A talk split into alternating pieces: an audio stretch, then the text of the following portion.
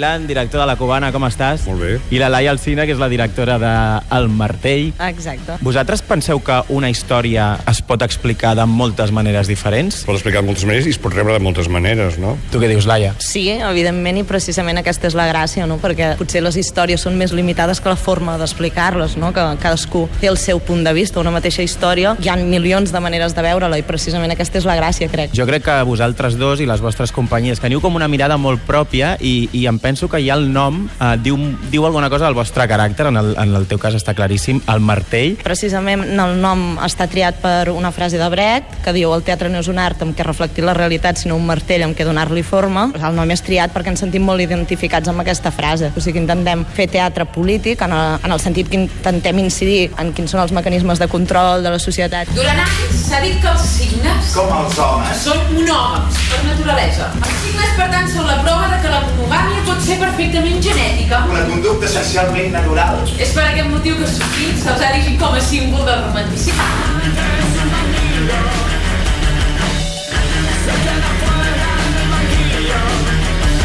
I la cubana, tu creus que té una mica d'això de, de martell? La cubana a veure, és un nom que va, va sorgir d'una nit de borratxera, vull dir que, es, en fi, va néixer de, de, del joc, de la casualitat, de la intuïció, no hi havia teoria.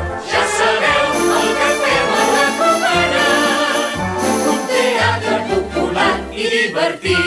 Ara us preguntaré per com ho feu, però abans vull que, que m'expliqueu sobre què parleu, o sigui, en què poseu la mirada, no? Per exemple, jo crec que teniu un punt en comú i és que sabeu d'alguna manera treure les vergonyes de, de la societat o, de, o del que fem o de com som. No del que parlem essencialment és d'aquest teatre que existeix a la vida quotidiana i que passa desapercebut. Teatre una mica del, del, del parlar del carrer. O sigui, el que volem és totes aquelles situacions que per nosaltres són teatrals, que existeixen a la nostra vida, portar-les en un escenari perquè la gent es vegi reflexada. Fer, fer protagonistes a un tipus de gent que tu veus al metro, veus a casa teva, les teves ties o els teus no sé què. O...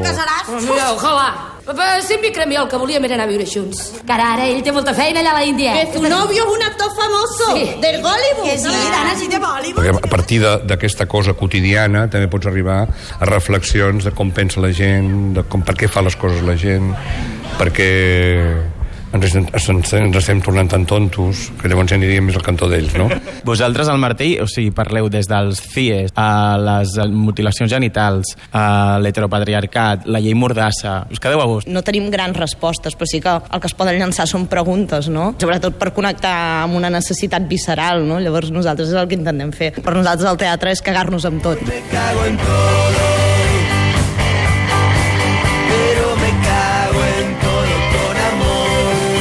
Vaig al teatre m'agrada molt fixar-me en com us ho feu venir bé per explicar la història, no? Per exemple, la cubana, la gent flipa i al·lucina molt amb aquest embolic que hi ha no? a l'escenari. Per què creus que funciona? Funciona perquè, la, o sigui, perquè amb la gent la imbueixes amb un joc, expliquem una història, introduïm una història, i a partir d'aquí, doncs, bueno, la desenvolupem. Sempre involucrant el públic perquè se'n doni compte que el punt d'inspiració és ell. Vosaltres al martell o sigui, jugueu molt amb els silencis, no? amb, el, amb els cops d'impacte, no? O sigui, no pot ser tant en què hi hagi molt de text, sinó que hi hagi, de vegades, el text precís que pot parlar d'una cosa molt gran o molt bèstia, no? Sí, quan vas a mil, a mil, a mil, a mil, a mil, el silenci també articula no, d'alguna manera l'espectacle i, i, i al revés, si hi ha un silenci després potser la pujada de, de, de text, de ritme, de velocitat també és més efectiva i parlen els silencis, clar. Silenci no l'utilitzem gaire, perquè cridem molt i parlem una sobre l'altra. pensaremos, ahora no, me viene, no, me viene ahora. Sé, la camisita en el... Jo crec que de vegades li tireu una mica la pilota al públic, no? perquè en aquest cas, per exemple, amb la cubana, perquè d'alguna manera participi, però també perquè pensi a través del riure, no? I, i clar, suposo que el martell també, no? Convideu al, al públic a pensar moltes vegades. Vosaltres penseu que es pot pensar sobre algun tema allò punyent i, i el que van tenint un, un riure incòmode, no? De dir, ostres, A, a, a partir del riure també es pot fer reflexionar. Això és mentida, no? Vull dir que, que, que a partir de que les coses tenen que ser serioses per fer pensar i tot això. això. És veritat, nosaltres busquem molt l'impacte en tots els nostres muntatges, però clar, l'impacte té, té una cosa que és que si ac- aconsegueixes descol·locar el públic permanentment, les, les reaccions tampoc són previsibles. Vull dir, clar, és això, si tu expliques un necessitat nat, sembla que el gènere propi sigui o la tragèdia, saps? Però si ho treballes amb comicitat, doncs clar, bueno, llavors el riure també s'encomana molt en el públic, no? Un dia et riu tothom i és allò, és una festa, i un altre dia... Bueno, a nosaltres ens agrada molt fer aquests experiments de dir, aviam què passarà, saps? Aviam quan et riuran o quan no et riuran. A Cubana us passa això o, la, o el públic riu normalment sempre als mateixos moments? Depèn, però bueno, sí, normalment riuen sempre del... Matemàtica. Per, perquè realment sigui bona comèdia, no has de fer comèdia. No, tu has de fer les coses tal qual, quan més natural i més... No has de fer cuento, entens? O sigui, no, no has de voler fer riure. Si no vols fer riure, la cagaràs. Tu deies ara això d'intentar ser el més natural, però els personatges de la cubana sí que tenen un punt de, de caricatura o exageració, o no? Tu no ho veus així? Jo no ho veig així. Jo veig, a veure, els personatges de la cubana, tu ho veus com caricatura i ho veus com a vegades estrafet. Hi ha gent així. Els veus tots junts. És que n'hi ha molts. No, és que no, és que no n'hi ha. Això m'ha agradat, perquè les veus tots junts, però clar, i són a la vida real, però per separat. I a, a vegades a la vida passa, bueno, a mi em passa sovint i, i fa poc vam anar bueno, a una oficina bancària i ens va atendre una dona que nosaltres ens anàvem mirant en plan això ho, ho poses sobre un escenari i tothom et diria que és exagerat. ¡Menudo sacrilegio! Ya en intereconomía ya. España se desmorona por momentos. santo. Quin paper juga, per exemple, en cada cas això, la música i l'expressió corporal a, a, la vostra, a les vostres històries? O sigui, per començar, nosaltres no som ni especialistes en cos ni ballarins, el que passa és que som una mica, no sé, agu agosarats, i ens agrada, saps? Nosaltres, si utilitzem el cos, és perquè els actors tenen cos, bàsicament. Llavors, ens sembla que, que el text és un, una via de comunicació i el cos n'és una altra. I, a més a més, si en tens dues, si tens el text per una banda i tens el cos i les pots fer xocar, per nosaltres és més interessant. És en el xoc, per nosaltres, on es creen coses interessants. Nosaltres hi posem sempre música, cantem, ballem, però no sabem ni cantar, ni sabem ballar. Tot, nosaltres utilitzem molt l'art del dissimul. Sempre hem cantat i ballat i sent totes les...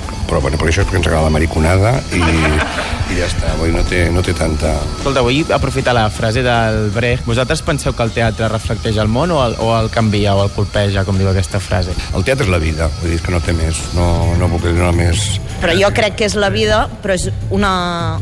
És la vida, però és una oportunitat per canviar-la. Però no és perquè mm, tingui el sentit aquest, sinó perquè és que la vida canvia, vull dir, la vida és evolu... Bueno, per mi per això és això, és... però tu tries quins segments de vida poses sobre l'escenari i això és una oportunitat perquè l'espectador vegi la vida que a tu t'interessa que vegi i, bueno, potser tingui ganes de canviar coses. Per això jo crec que el teatre és una oportunitat per ser un martell. No estem d'acord, no passa Penso que llavors estàs tu influenciant amb una cosa que no... el públic és més intel·ligent que tu, en tots plegats. I el fet que, que et provoqui fer-te una pregunta i ja d'alguna manera t'ha canviat, no? Perquè potser si no hi haguessis anat... Que si no hi ha provocació, si no hi ha provocació i no hi ha bogeria en la concepció, no hi ha teatre. Jo amb això ja estic d'acord. I de- per mi jo crec que hi ha d'haver-hi bogeria i també hi ha d'haver-hi felicitat. He llegit que tu vas dir, Laia, que el teatre no pot ser un simple entreteniment. Tu estàs d'acord, Jordi? No, és que no ho és mai un entreteniment, el teatre. És que no ho és mai un entreteniment. Esclar, el que... Alguns polítics s'ho pensen. Bueno, hi ha molta gent també de la cultureta que es pensa que realment eh, bueno, fer segons quin tipus de teatre, fer comèdia, no és teatre. Laia, eh, vosaltres estreneu a la Seca. Estrenem X o la fidelitat dels signes negres el 21 de juny i estem fins al 15 de juliol. Que vagin, a més a més. Laia Alcina, Jordi Milan, moltes gràcies. Gràcies a vosaltres. Vale, moltes gràcies.